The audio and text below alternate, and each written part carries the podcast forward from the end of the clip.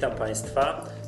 Y, to są Echa Rynku, 30 odcinek y, podcastu Stowarzyszenia Inwestorów Indywidualnych. Dzisiaj 14 września. Ja nazywam się Michał Masłowski. Dzisiaj razem ze mną nagrywają Łukasz Poremski. Paweł Wielgus, witam. Przy panowie dzisiaj obchodzimy jubileusz. My jesteśmy, tak jak już, nie wiem Paweł, czy słyszałeś tydzień temu. Nie, nie, nie, no jubileusz 30 podcast, 30 A, odcinek podcastu. Tak, jesteśmy najdłużej działającym na rynku polskim podcastem o inwestycjach.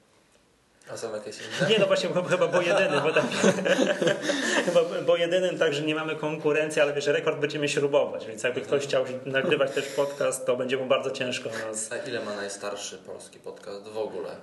E, wydaje mi się, jeżeli mm, z tych, których ja słucham i które e, które ja no nie wiem, mam w ogóle do czynienia i tak dalej, to wiem, że jest ponad 100 odcinków Poligatki.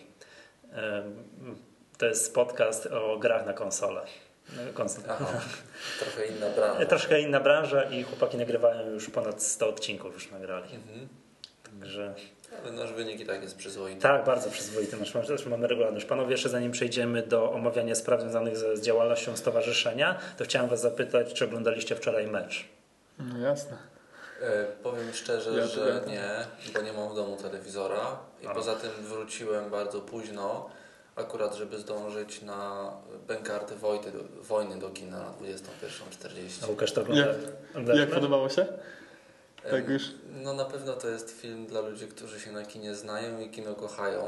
Nic więcej nie powiem. Mi się osobiście bardzo podobał. Rozumiem, że film, nie jest, rozumiem, że film nie jest jakby mainstreamowy z tego, co to jest. Tak, zdecydowanie. Po twojej tak. ostrożnej wypowiedzi tak wnioskuję. Że chociaż był emitowany w takim multiplexie dużym to i tak e, kilkadziesiąt osób, które było na sali biło brawa po zakończeniu seansu. O, w, kin, w kinie to rzadkość. Dobrze, no tak czy inaczej, wracając tutaj e, do tematu wypowiedzi, gratulujemy naszym siatkarzom. Tak, także, zdecydowanie gratulujemy. Także i teraz zachęcamy do, zachęcamy do powtórki koszykarzy. Tak, dzisiaj jest chyba mecz mm, zemsta za Maribor, także nie wiem, czy wy się przymierzacie za naszą Także dobrze, pożartowaliśmy. Jeszcze raz gratulacje dla naszych siatkarzy, bo wczoraj nie mogą o niczym innym myśleć, tylko o tym, jak to fantastycznie zdobyliśmy Mistrzostwo Europy.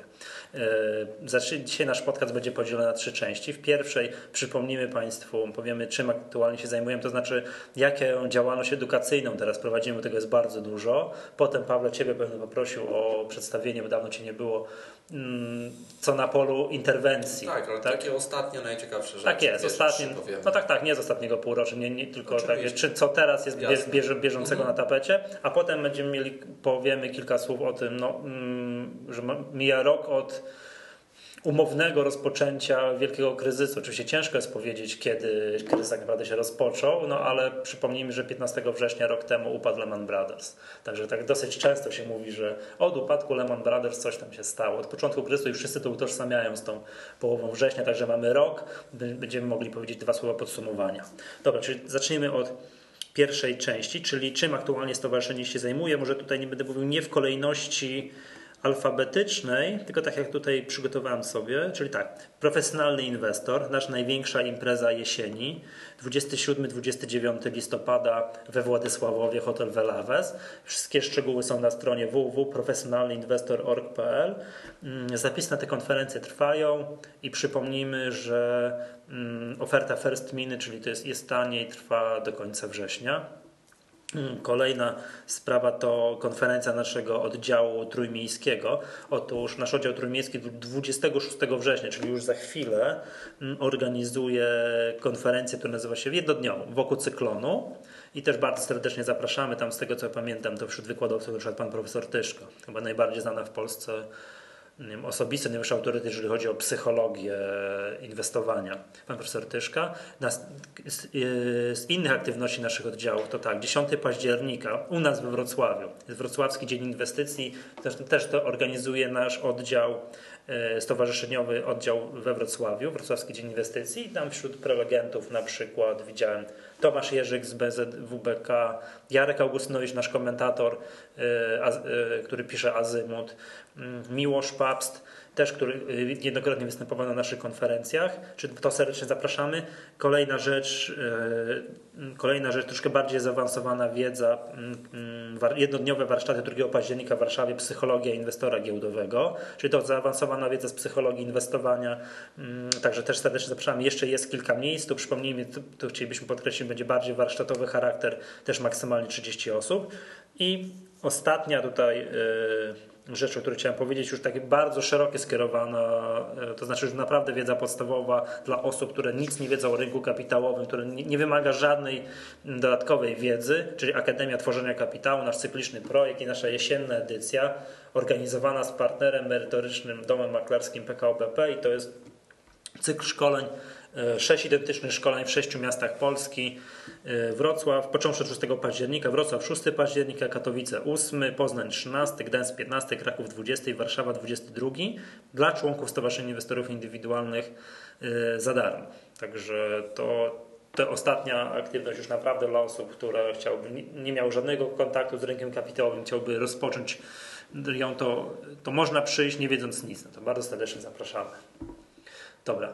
To tyle, jeżeli chodzi o naszą działalność edukacyjną. Wszystkie, mm, wszystkie te aktywności są opisane u nas na stronie, także mają poświęconą bądź osobną dedykowaną, y, dedykowaną stronę, bądź też u nas pod stronę, także wszystko można się zapisać, dowiedzieć y, na naszej stronie www.stor.pl. Dobra, Paweł, y, teraz przejdźmy może do Twojej części. Mhm. Powiedz, czym aktualnie, w jakich mniej więcej działkach, w jakich spółkach teraz mamy coś do czynienia, jeżeli chodzi o o... O interwencję. Tak, o interwencję. Przynajmniej to jeszcze zanim, zanim przejdziemy, to jeszcze powiem, że mamy konkurs dzisiaj. Jeszcze, bo mamy dzisiaj jest jubileuszowy 30 odcinek i pod koniec nagrania tego odcinka ogłosimy na konkurs, gdzie tutaj postanowiliśmy z racji, że mam dosyć okrągłą liczbę, którą świętujemy, y, rozdać jedno miejsce na konferencję Profesjonalny Inwestor, czyli super nagroda, więc mm -hmm. tak, no ale poprosimy Państwa, żebyście troszkę nie wiem, popracowali dla nas, może też się czegoś nauczymy. To pod sam koniec podcastu ogłosimy konkurs, także proszę, proszę czekać. Dobra, Paweł, czym mniej więcej teraz zajmuje się? Dobra, nie zaskoczę Was, panowie, ale fon. Fon na tapecie. nie, sprawa, dawno nic nie mówiliśmy o fonie. Dawno nic nie mówiliśmy o fonie, to powiem w końcu. Miałem tego nie mówić, mieliśmy poczekać na decyzję prokuratury w tej sprawie, ale chyba już y, można spokojnie, bo to i tak generalnie poszło w świat do bardzo wielu inwestorów. Y, oficjalnie potwierdzamy, że złożyliśmy zawiadomienie o podejrzeniu popełnienia przestępstwa w sprawie FONA. Mm, sprawie... sprawa dotyczy nieudanej emisji akcji serii F, gdzie na prawach poboru, wyrejestrowanych prawach poboru inwestorzy ponieśli bardzo duże straty. Czyli zainteresowani powinni być ci, którzy mieli te prawa poboru i zostali, mieli tak? prawa poboru mhm. I, I, zostali później, z tymi prawami. Później zostali, a teraz ich nie mają, bo zostały wyrejestrowane. Hmm. Teraz na samym zawiadomieniu mamy 23 inwestorów. E, tutaj łączne straty tych inwestorów przekraczają 4 miliony złotych, więc są dość istotne. Natomiast informacja o samym o tym zawiadomieniu i o dalszych krokach została rozesłana do ponad 100 inwestorów. E, ponad 100 osób do tej pory zgłosiło się do nas, do stowarzyszenia w sprawie FONA. E, te dalsze kroki to jest e, już e, współpraca z konkretną, jedną wybraną po rozmowach, po negocjacjach cenowych kancelarią warszawską. Tutaj sprawa będą, dalsze kroki będą dotyczyły oczywiście postępowania cywilnego, czyli złożenia pozwu o odszkodowanie. Tutaj zwracamy się po raz kolejny, zwracam się do wszystkich słuchaczy, do wszystkich inwestorów. No właśnie chciałem zapytać, jeżeli ktoś jeszcze się zorientuje, że ma... Tak, jeśli ktoś miał te prawa poboru, a nie dostał ode mnie maila. Bo na przykład mogło się zdarzyć nawet tak, że z kimś się kontaktowałem, ale na przykład bardzo często odbierałem telefony również poza biurem, telefony komórkowe, nie miałem czasu na przykład zapisać. E, mogło się zdarzyć, że ktoś, kto ze mną się kontaktował, albo nie zostawił adresu mailowego, nie napisał do mnie, chociaż zawsze o to prosiłem. No, w każdym razie mogło coś się na przestrzeni tych wielu, wielu miesięcy zawieruszyć, także jeśli ktokolwiek z Państwa mm, te prawa poboru e, miał, a nie otrzymał ode mnie maila, pod koniec zeszłego tygodnia. Albo Bo nie dzisiaj się zorientował tak. o istnieniu całej sprawy w ogóle. E, dokładnie, to oczywiście bardzo prosimy jeszcze o kontakt. Tutaj e, oczywiście drzwi nie są zamknięte, można do tej sprawy wciąż przystępować. Ja może na zachętę powiem, że wynegocjowane e, koszty kancelarii są bardzo, bardzo korzystne dla inwestorów. Powiedziałbym, że e, obsługa całej sprawy będzie kosztowała tyle, co kilkanaście godzin pracy dobrej kancelarii warszawskiej. Natomiast sprawa może ciągnąć się bardzo długo, ta opłata jest tutaj zryczałtowana. Jest bardzo korzystna dla inwestorów, także wygląda to bardzo, bardzo, mm, bardzo fajnie. Dobrze, a jeszcze Pawle, tam nie wchodząc w szczegóły, e, bo to wiem, że sprawa jest, na pewno moglibyśmy tu siedzieć godzinami, jakieś, jakby to powiedzieć, w Twojej ocenie, jak, jaka jest szansa tych inwestorów nie wiem, na powodzenie spraw? Czy to jest takie troszeczkę. Ani ja, ani żaden prawnik nie poda nigdy tych szans w procentach. No nie, ale tak mniej więcej. Czy to sprawa jest przegrana i robimy to, nie, gdyby żeby. sprawa była przegrana, to my byśmy od razu powiedzieli, że sprawa jest przegrana. Szkoda pieniędzy. I ja bym się tego tak, tak nie, nie dotknął, bo szkoda pieniędzy po prostu. Tych ludzi. Oczywiście. Dobra, czyli tak, no nie wiem, jak to wygląda u Ciebie, to jest obiecująco, jest, tak, bardzo jest, ogólnym poziomie tak, szczegółowości. jest bardzo obiecujące. Ja zawsze podkreślałem i będę to podkreślał, że tą sprawę będzie łatwiej wygrać niż uzyskać realne odszkodowanie. A. Prawdopodobnie tak. E, czy ja oceniam tę sprawę w ten sposób i prawnik tak samo, że łatwiej tą sprawę będzie wygrać niż uzyskać niż odszkodowanie. Niż wyegzekwować, to, tak? Tak, należy sobie zdawać, należy sobie zdawać z tego sprawę. No rozumiem, ale podejrzewam, że ci inwestorzy, którzy no tutaj mówiąc brzydko stali zrobili w balona, to no, chcą prowadzić te sprawy dla jakby, nie wiem, bardzo ogólnie tutaj górnolotnie będzie dla dobra polskiego rynku kapitałowego, Dokładnie żeby pokazać, tak. że... Jest bardzo wiele osób, które dla zasady chcą no tę sprawę prowadzić jak najbardziej. Oczywiście nawet jeśli się tą sprawę wygra, a nie uzyska odszkodowania w taki prosty sposób, e, to oczywiście odpadają wszystkie koszty sądowe, zastępstwa procesowego, wraca wadium wpłacone itd., tak itd., tak więc mhm. tutaj te wszystkie koszty po stronie inwestorów są praktycznie zminimalizowane w przypadku wygranej sprawy.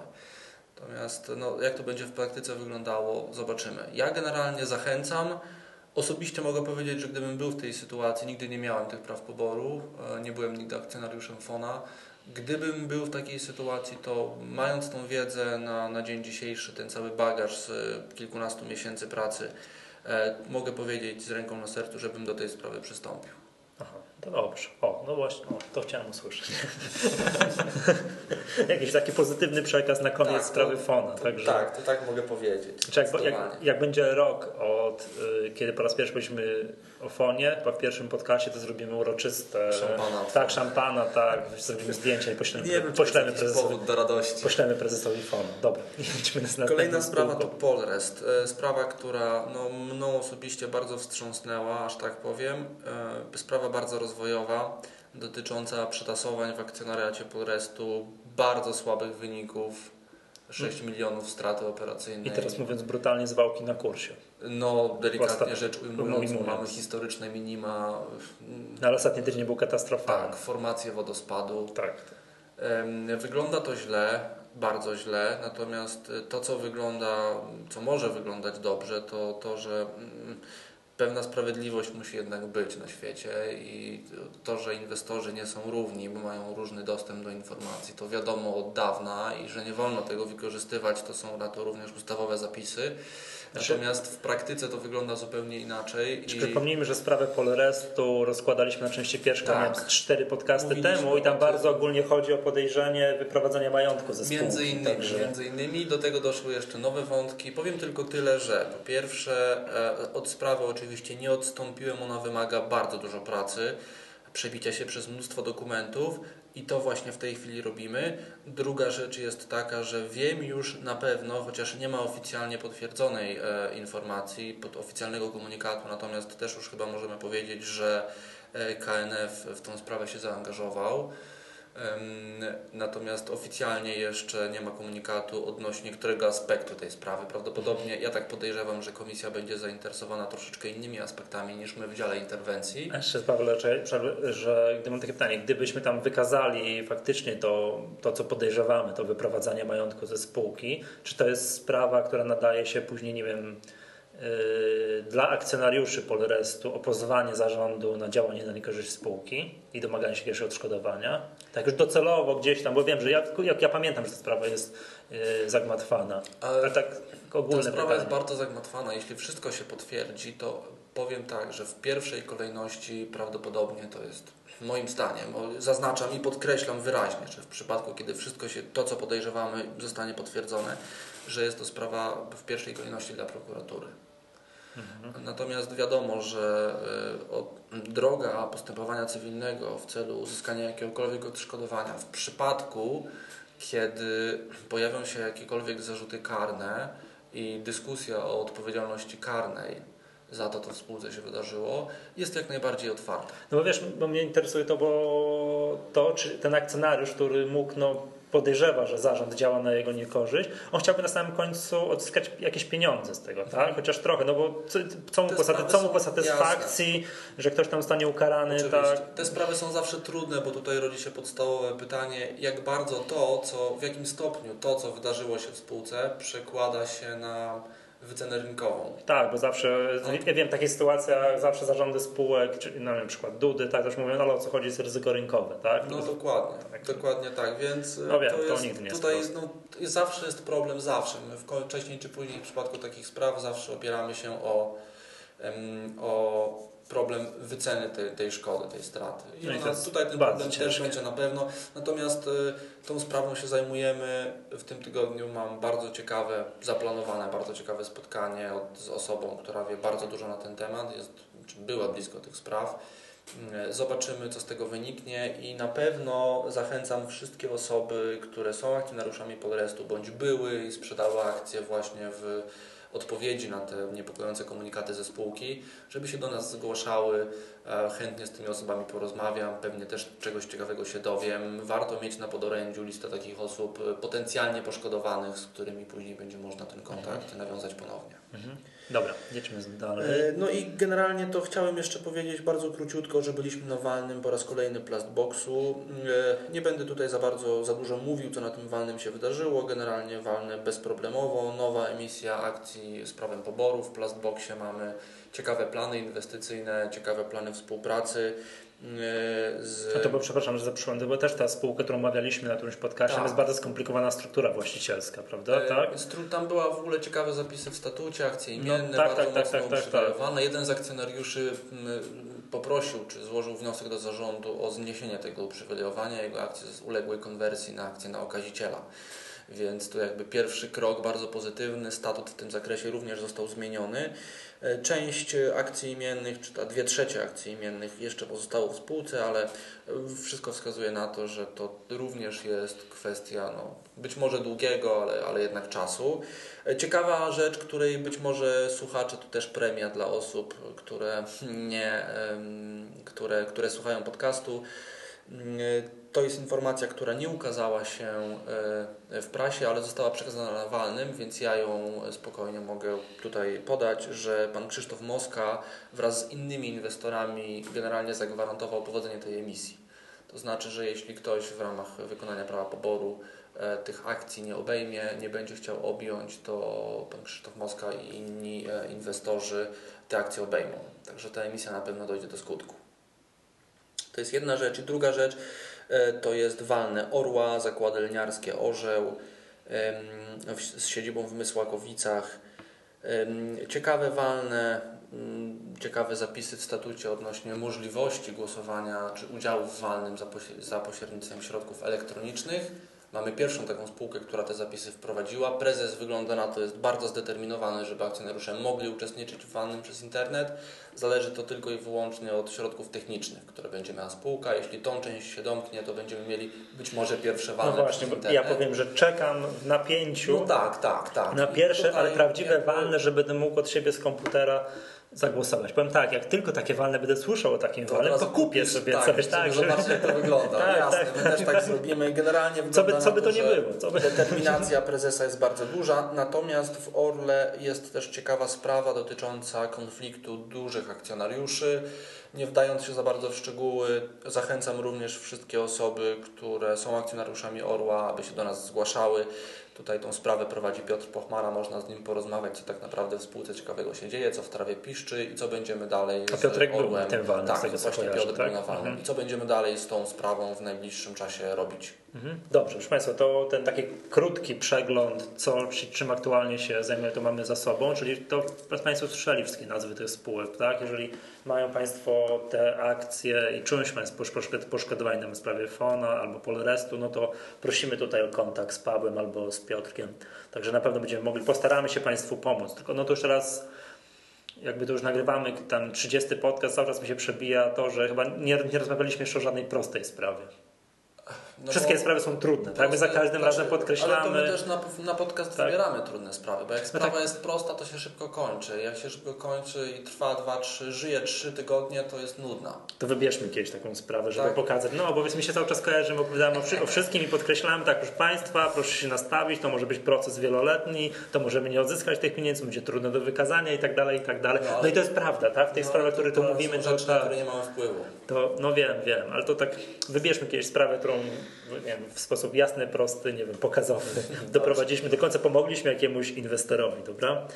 Dobra, proszę Państwa, e, przejdźmy do trzeciej części, czyli troszkę wątku historycznego, no ale jakby tutaj, który ciągle dotyczy teraźniejszości, czyli tego, że mamy no ten rok od przysłowiowego takiego początku kryzysu. Jeszcze raz przypomnę, że 15 września ogłoszono publicznie, że Lehman Brothers jednak nie da sobie rady i musi, musi upaść. Panowie, jakie jest Wasze zdanie? A przepraszam, tak? jeszcze zanim zaczniemy no. o tym takim czysto y, kryzysowym wątku, ja bym jeszcze jeden w A nie będziemy to interwencyjny odnośnie Lemana właśnie. Tak, proszę.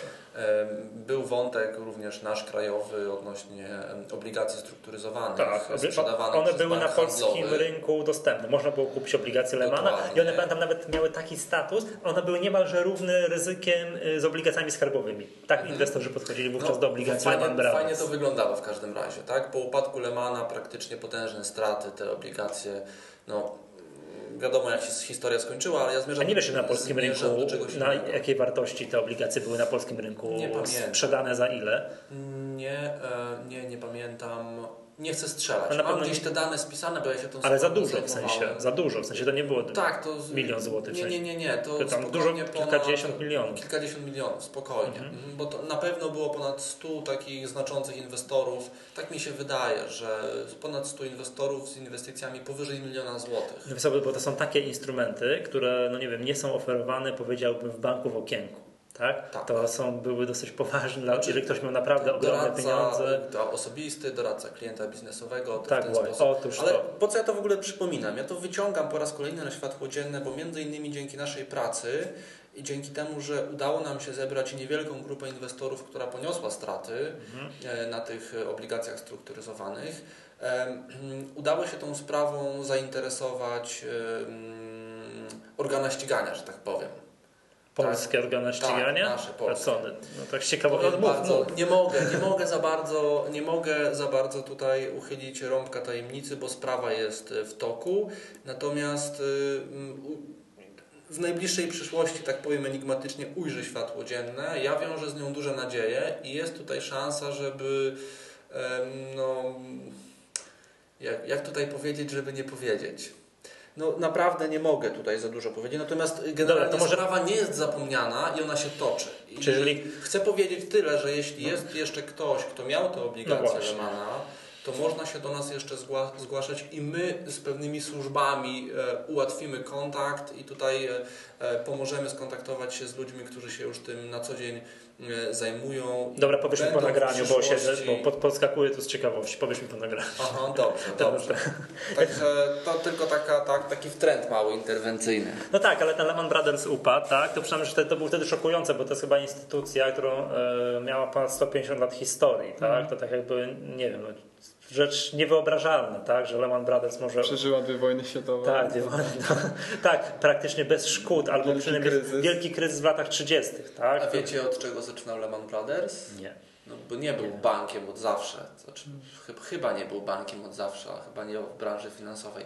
Ja nie wiem, czy ja dobrze usłyszałem, tak mi się wydaje, ja tego nie sprawdzałem od razu mówię, ale wydaje mi się, że dzisiaj na antenie TVN CNBC słyszałem, że Lehman miał jakieś e, związki z branżą lniarską.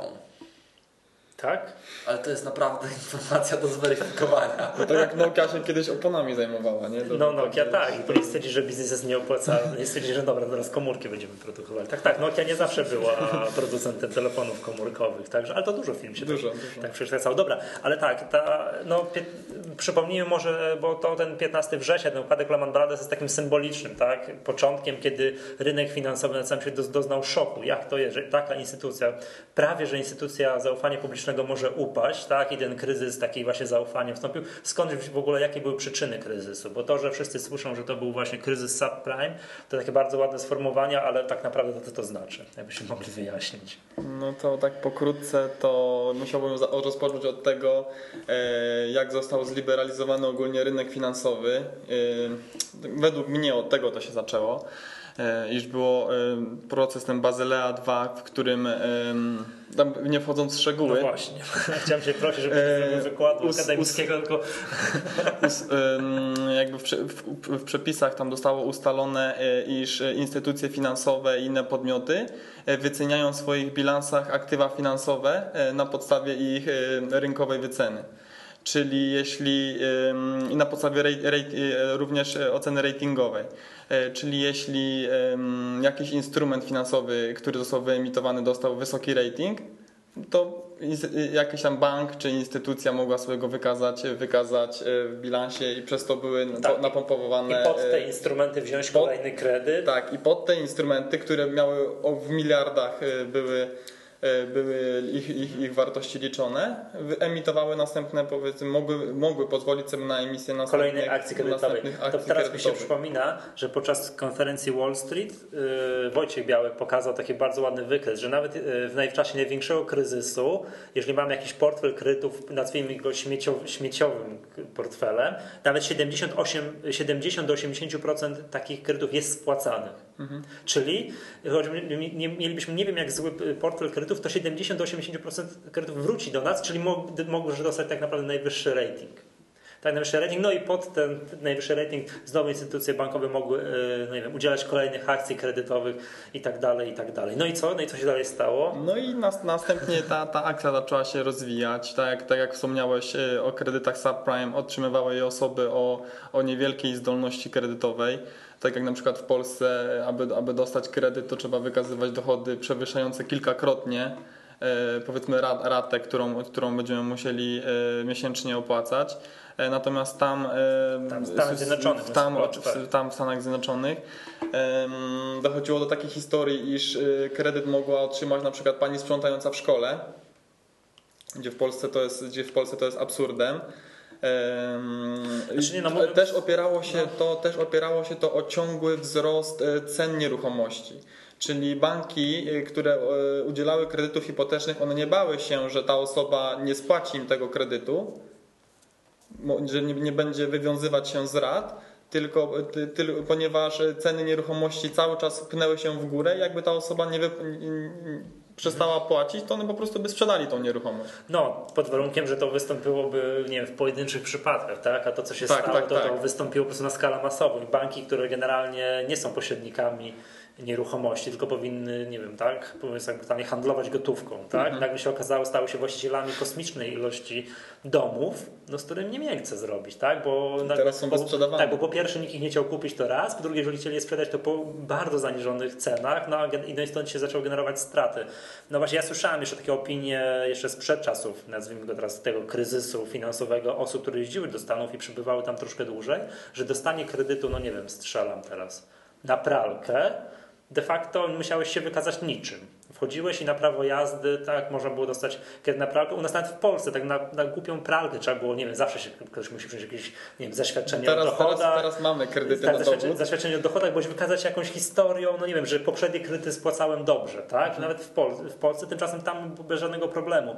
No i też słyszałem opinię, że dostanie, otrzymanie kredytu hipotecznego było praktycznie bajecznie proste w porównaniu z tym, co, się, co w Polsce, no nie wiem, mówiąc już po prostu jaki cyrk trzeba było zrobić, a teraz to już w ogóle, żeby dostać kredyt jeszcze tak- jeszcze takie właśnie historie propos tych, e, tych kredytów subprime. E, to było tak, że na przykład osoba, która miała opłacać miesięczną ratę powiedzmy 1000 dolarów, te ceny nieruchomości wciąż pnęły się w górę. No i oczywiście e, bank mógł pozwolić tej osobie obniżyć ratę albo zostawić ratę na tym samym poziomie i, i ta osoba mogła powiedzmy kupić y, sobie jeszcze samochód no, rozumiem. Y, I, i, tak dalej, i tak dalej. Ponieważ te raty są oczywiście uzależnione od tego, od tego ryzyka. No i jak to ryzyko teoretycznie według banków się zmniejszało, jak ceny nieruchomości rosły, to... Wiecie, no ale tutaj tych przyczyn to się tak naprawdę no. opatruje kilka. To tutaj pojawiają się bardzo poważne głosy odnośnie na przykład kierunków zmian legislacyjnych w Stanach Zjednoczonych, kiedy na przykład umożliwiono instytucjom finansowym połączenie tego takiego naturalnego dla banku charakteru mm, kredytowo-depozytowego z charakterem inwestycyjnym. To była rzecz, która się bardzo, chyba kilkukrotnie, nawet nie jestem w tej chwili pewien, ale zmieniała na pewno na przestrzeni czasu. Nie wiem jak to w tej chwili wygląda, chyba właśnie jest to tak jak ja mówię.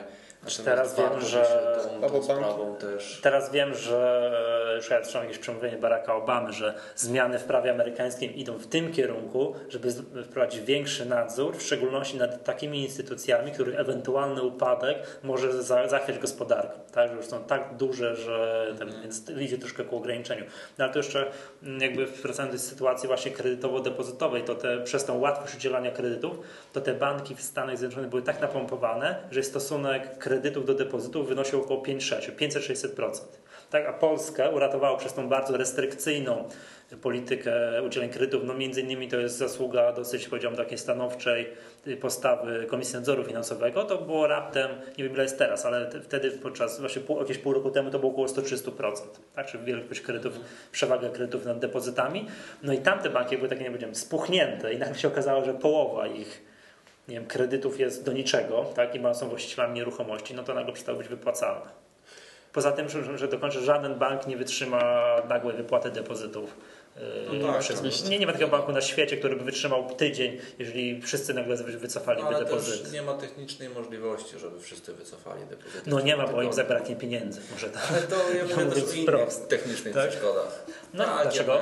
ludność jest rozproszona i Naprawdę nie Nie, ale po prostu nie zrobią tego, że... tak? Oczywiście ludzie tego nie, nie zrobią, no bo tak. nie ma takiej możliwości, to, to co mówisz technicznej, ale gdyby, tak? Wiesz, no tak, tak. Gdyby tak się stało, rację, to nie ma takiego Było, banku, na, nie, ma tak stabil, nie ma tak stabilnego banku na świecie takimi właśnie mm. aktywami własnymi, który byłby w stanie wytrzymać akcję masowego wypłacania depozytów. Także to też, też zwróćcie uwagę, że no oczywiście um, upadek Lemana bardzo szybko, gwałtownie przełożył się na sytuację na rynkach kapitałowych na całym świecie, co było widać po wykresach. Nie no oczywiście, bo to Natomiast jest właśnie to, co to mówiliśmy, załamanie... upadła instytucja, która wydawało tak. się, że nie może upaść. Natomiast tak. samo załamanie na rynku kredytów hipotecznych też zwróćcie uwagę, że było możliwe tylko i wyłącznie, tak mi się przynajmniej wydaje, takie gwałtowne załamanie było możliwe dzięki obligacjom obligacjom, w które wpakowano te wszystkie wątpliwe kredyty hipoteczne, prawda? One były jako wierzytelności tak naprawdę e, później sprzedawane, handlowane i gdyby, tak, gdyby one nie były w tym sensie upublicznione, no to już obligacje hipoteczne? Na, to MBS-y, tak, tak, to, to tak. Gdyby, I gwałtowna przecena praktycznie no, w, byłaby znacznie utrudniona. A wiesz, że to jest największy rynek na świecie, aż pomijając rynek euro-dolara?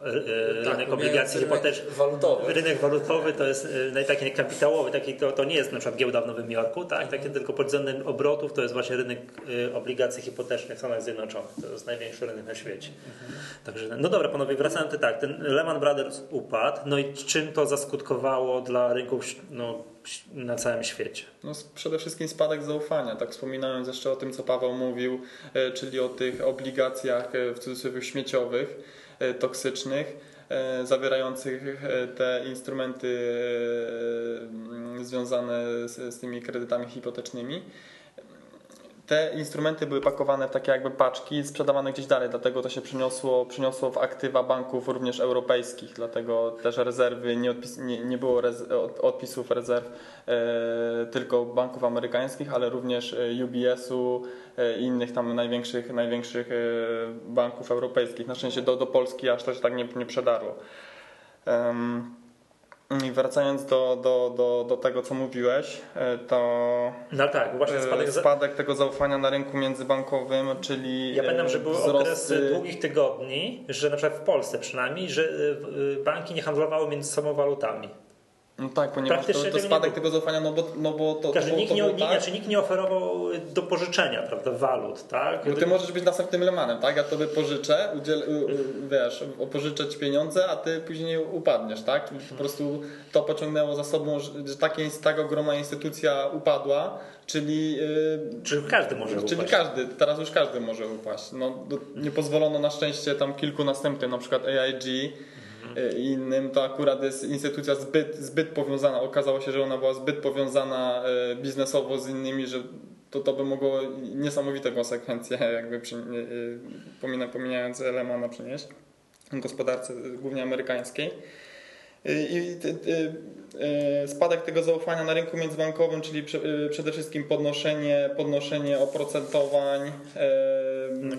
Dla kredytów. Dla kredytów, e, stawki e, na rynkach międzybankowych rosły. Wiecie panowie, i tak dalej. Tak, i tak dalej. właśnie, bo to jest tak, bo dopóki, to, dopóki mhm. jakby ten kryzys jeszcze no nie wiem, jakby on był tak głównie widoczny w sferze tej finansowej, że jakiś tam bank w Stanach upadł, żeby są wysokie stopy procentowe, że nikt nie chce komu nikomu pożyczać pieniędzy takie na krótkie terminy, to jeszcze było pół biedy, albo jakby to ten dalszy proces, czyli przenoszenia tego kryzysu w sferze zaufania w świecie finansów, jakby przekładania się na, na kryzys w realnej gospodarce. To było moim zdaniem, że jakieś, nie wiem, w mojej opinii jakieś pół roku później.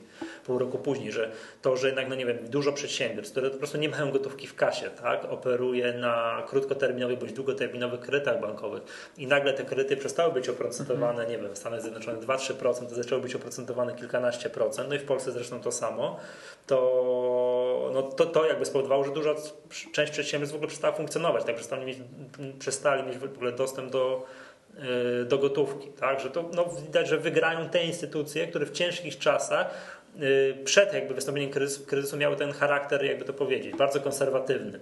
Czyli miały operowały, na, tak, operowały na niskim długu, bądź w ogóle nie, nie miały długu, czyli pozostały z gotówką. Tak? I te przedsiębiorstwa no, wyjdą z tego kryzysu mocniejsze może przejmą sobie kogoś upadającego i tak dalej. Dobra, panowie, to, ale jeszcze taka dyskusja się w ogóle toczyła, czy to dobrze, że w ogóle pozwolono upaść e, Lemanowi. Może trzeba było go uratować, tak jak później uratowano AAG, no to wcześniej, General czy, Motors wcześniej, czy później, tak wcześniej czy później tak by, tak by upadła czy ta instytucja, czy inna. Hmm przejęcia, które, które widzieliśmy w ostatnim roku na, na, na rynku bankowym, ogromnym rynku bankowym amerykańskim, e, czyli tutaj na przykład wspominając Bank of, e, of America przejął Merrill Lyncha, Wells Fargo Wachowie, a JP Morgan Bernsteinsa e, to teraz te trzy banki, które, które poprzejmowały, to będą jedną trzecią amerykańskiego ogromnego rynku depozytowo-kredytowego posiadać. Mhm i rachunków Dobra. Ludności. A jakim, jakim miał wpływ na, porozmawiałem jeszcze takie chwilę o wpływie tego okresu na, na polski rynek kapitałowy. Czym to tutaj się, jaki miał to bezpośredni wpływ u nas w Polsce? Co pamiętacie z tego, co było rok temu? No jesteśmy, ja pamiętam ten słynny jesteśmy... KGHM po 19 zł, tak? No tak, no generalnie nerwowa atmosfera, w dużej mierze wynikająca z, z padku zaufania do rynków wschodzących, rozwijających się, gwałtowne osłabienie się złotówki. Tak, bo później 2008 się... w lipcu złotówka była najsilniejsza w historii. Tak. 2008 czerwiec, lipiec. To jak... A w grudniu już nie. A w grudniu było, no A w grudniu no, ale pamiętam, że wtedy dochodziło, ale... to się bardzo rzadko zdarza, do utraty płynności na rynku złotówki. Że tam skakało po kilkaset pipsów. Pamiętam, ta płynność była tak słaba, mhm. że jak się złotówka osłabiała, to nie tak, że pips po pipsie. Z całego, z całego naszego tak. regionu, z tych właśnie krajów. Pamiętajmy, że inwestorzy zagraniczni, którzy jednak, e, no, szczególnie w przypadku tych dużych spółek, bardzo często te pozycje są tutaj bardzo znaczące. To, że oni stanowią tam kapitałowo jedną trzecią trzecią rynku, to wydawałoby się, że aż nie mogą tak znaczącej krzywdy zrobić. Natomiast w praktyce te pozycje na dużych spółkach są na tyle istotne, duże, że praktycznie główny indeks można bardzo łatwo i szybko ściągnąć w dół, a za tym idzie cała giełda. Tak, też my rozmawialiśmy ten tydzień e, temu, że jak, jak inwestorzy zagraniczni wychodzą, to oni wychodzą bardzo brutalnie. No tak, po PKC się, i, jasne, i oni się nie, nie, ma się co zastanawiać. Natomiast ja zmierzam do tego, że jednak e, silne osłabienie złotówki to był też powód do wyjścia i zamykania pozycji i to gdyby nie było takiego, że tak powiem, mini krachu na rynku walut, to nie byłoby też takiej nerwowej sytuacji na rynku walut. Zresztą ta korelacja od dość takiego czasu się utrzymuje i tutaj każdy bardziej dynamiczny, na przykład e, bardziej, bardziej dynamiczna aprecjacja złotówki jest zawsze powodem do wejścia inwestorów zagranicznych. To, to jest podwójny zysk, prawda? Tak jest, że jak giełda, jak giełda rośnie, to złotówka się umacnia i na odwrót. I dzisiaj, bardzo, na, dzisiaj, bardzo dzisiaj mamy z kolei tak zupełnie przeciwnie, od samego tak, rana złotówka na przykład do euro-dolara e, około 5% się, e, przepraszam. Nie no, błagam Cię, naprawdę tyle było. Nie, nie, absolutnie nie, przepraszam. E, pomyliłem o 5 groszy. No, I tak bardzo dużo, solidne spadki na giełdach, także ta tendencja ona pewnie jeszcze długo, długo będzie się utrzymywała. No to wszyscy kraczą od drugiej fali kryzysu teraz. No ale... Nie, nic nie powiem. Dobra, nie, nie, nie, będziemy tutaj bawili się w analityków, bo takimi nie jesteśmy, raczej tutaj bardziej w komentatorów, e, w komentatorów rynku. Dobrze panowie, bo to jakby jeszcze, już kończąc, to Łukasz jeszcze jakbyś mógł przytoczyć e, te dane o udziale inwestorów indywidualnych, bo mhm. przypomnijmy, że giełda polska zawsze była znana z tego, a tam w szczególności na kontraktów terminowych, że my jesteśmy jako inwestorzy indywidualni bardzo mocno reprezentowani, że my zawsze mieliśmy na tej giełdzie około 1 trzeciej. Tak, bardzo duży udział i to jest ta 1 trzecia, te 30 parę procent wartości obrotu, to jest dużo w porównaniu z giełdami zachodnimi, z, mhm. tego, z tego co wiem. Jak to wyglądało teraz po tym kryzysie, jak ta sytuacja no, wyglądała? Naraz na początku, na, na przełomie 2008 i 2009 roku e, inwestorzy jakby ich, ich aktywność dużo, dużo jakby się zmniejszyła.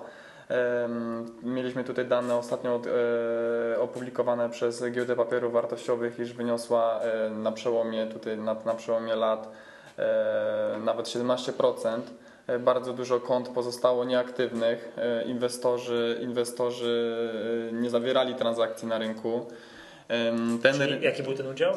17%. Z 30 spadło się, kiedy to było? 30, no to, to były dane opublikowane za, za pierwszą połowę 2009 roku, czyli to po prostu to było uśrednione za, za, za cały ten e, za cały no, ten e, okres. Luty, marzec, jak szorowaliśmy po dnie, to ja się wtedy nie dziwię, że inwestorzy mieli no, tak do, awersję w ogóle do rynku, tak, do inwestowania. I po, jak rozpoczęcie, rozpoczęcie kupowania przez, przez zagranicę yy, pociągnęło indeksy do góry, następnie się włączyły fundusze OFE i TFI, a dopiero, dopiero za nimi teraz inwestorzy indywidualni. No i z tego co wiem, to sytuacja wróciła do, no, do normy. Tak? No, tak, można tak powiedzieć. Czyli aktualnie i mają znowu inwestorzy? No, blisko już jest, blisko już jest 30%.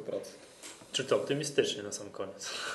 że ci inwestorzy no, powracają troszkę na rynek. Znowu ten klasyczny dla naszej krajowej giełdy podział e, kapitału po jednej trzeciej dla mhm. instytucji krajowych, zagranicznych, inwestorów indywidualnych z wciąż znaczącym zaangażowaniem inwestorów indywidualnych na rynku instrumentów pochodnych. Tak, no tam, hmm. tam jest zawsze więcej niż 30%. Tam także... tam hmm. mniej więcej, chyba nie pamiętam dokładnie, ale tak mi się wydaje, że takim standardem jest połowa. Hmm. Fajnie. Połowa obrotu robiona jest przez inwestorów indywidualnych. Dobrze. Też jesteśmy ewenementem, jeśli, jeśli o to chodzi w porównaniu do zagranicy. Mhm. Dobrze, proszę Państwa, będziemy powoli kończyć na dzisiaj. Tak jak konkurs. Konkurs, konkurs, no oczywiście, bo się no. konkurs, bo nie, tak jak już mówiliśmy, nie czujemy się, broń Boże, analitykami, którzy są tutaj, mogą rozłożyć ten kryzys na części pierwsze bardziej. Patrzymy tak jako nie wiem, mm, komentatorzy rynku, tak, wyrażamy nasze opinie, ale bardzo jesteśmy ciekawi Państwa opinii i to, tak jak już mówiłem, nagrodą w konkursie jest miejsce na e, pełny, pełnym, mm, z pełnym udziałem na konferencji Profesjonalny Inwestor, który będzie 27-29 listopada w Władysławowie i konkurs będzie, jest następujący. Prosilibyśmy Państwa o opinię na temat tego kryzysu, o tym zarówno o przyczynach, jak i o skutkach, czyli o wpływie na, na no, rynek światowy Polski. Jakiego przebiegu? Co najciekawszego było według Państwa? Czy może była jakaś, jakaś nie wiem, spektakularna przyczyna, która nie wiem, przeważyła, czy też najciekawszych skutkach? Czy, no jak na czym, czy nie wiem, czy może według Państwa jakieś instytucje popełniły jakiś błąd?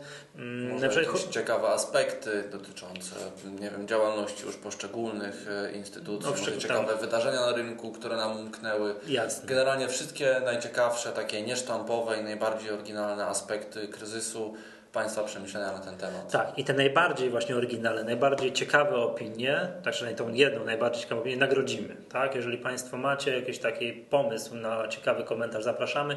Tym razem mail na adres podcast i wśród tych osób tutaj komisja tak zgromadzona w studiu, aczkolwiek mm, niewidoczna może, wizji. Być może uzupełniona wybierze. jeszcze. Być może uzupełniona, uzupełniona wybierze najbardziej ciekawą wypowiedź. Od razu zastrzegamy sobie, że konkurs, jak można się domyśleć, znaczy ocena e, Państwa prac będzie bardzo subiektywna, bo będzie dokonana przez nas. Tak, więc... ale oczywiście, oczywiście, jeżeli ktoś mówi, czuje ten zew analityka, chce pobawić się troszeczkę w ciekawą opinię tego, co się stało przez ostatni rok na rynku, to, to, to bardzo prosimy i mówię, najciekawszą opinię nagrodzimy w przyszłym, Dokładnie. w przyszłym czy może za dwa tygodnie, bo to jest Myślę, że poważna. Teraz, teraz sobie tak pomyślałem, że, to, że jeżeli ktoś chce się pokusić o jakąś ciekawą, o jakieś ciekawe opracowanie, to, to, to, to, to troszkę więcej czasu i ktoś z Państwa czuje ten zew bycia analitykiem, komentatorem rynku i chciałby wygrać miejsce na konferencji Profesjonalny Inwestor, to serdecznie zapraszamy. Dokładnie tak. Dobrze, proszę Państwa, to był jubileuszowy 30 odcinek podcastu Echa Rynku. Dziękuję serdecznie. Nazywam się Michał Masłowski. Dzisiaj razem ze mną nagrywali. Łukasz Poremski. Paweł Wielkus, dziękuję bardzo. Do usłyszenia.